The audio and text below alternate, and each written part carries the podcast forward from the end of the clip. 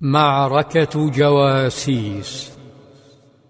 أذن بلال لصلاة العصر بينما كان خالد بن الوليد وسريته يتأهبون للانقضاض.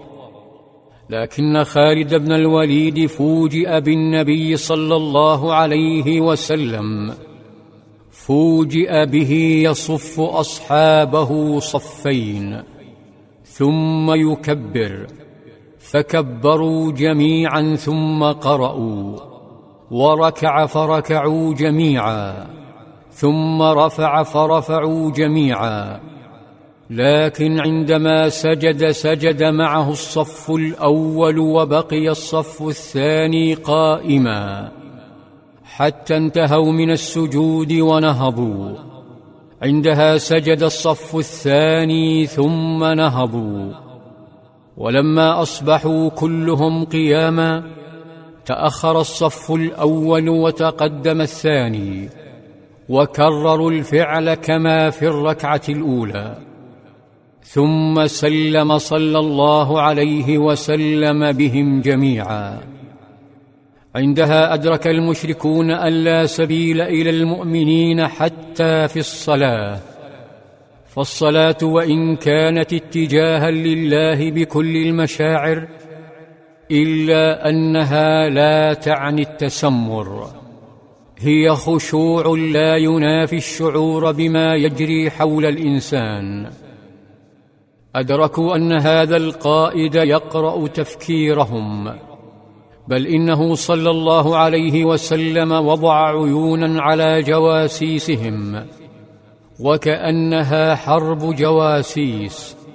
حين قال صلى الله عليه وسلم لأصحابه إن خالد بن الوليد بالغميم في خيل لقريش طليعة فخذوا ذات اليمين. فوالله ما شعر بهم خالد حتى إذا هم بقترة الجيش. صدم خالد بن الوليد بما يرى. وأيقن بالهزيمة ففضل الفرار نحو قريش لينذرهم. لم يغب خالد عن جواسيس الجيش الإسلامي المزروعين في الطرقات متخفين بأزياء رعاة أو تجار أو عابري سبيل. لذا قال صلى الله عليه وسلم إن عيون المشركين الآن على ضجنان.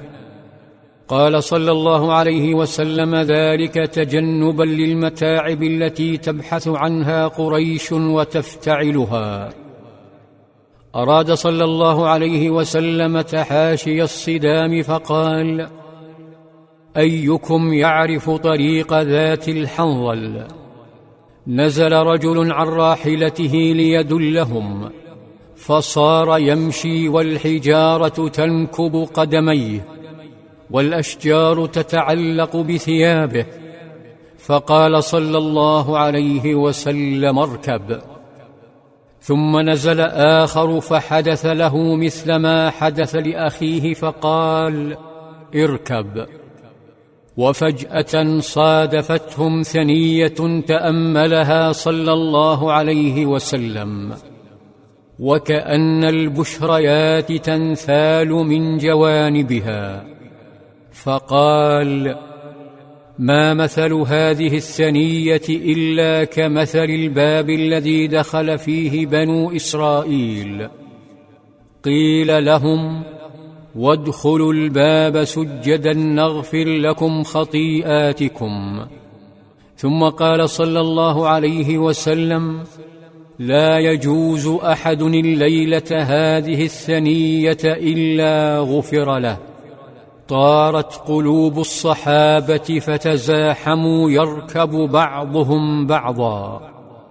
وكأنها بوابة من بوابات الجنة. كان القائد صلى الله عليه وسلم يكحل عينيه بعبورهم كلهم.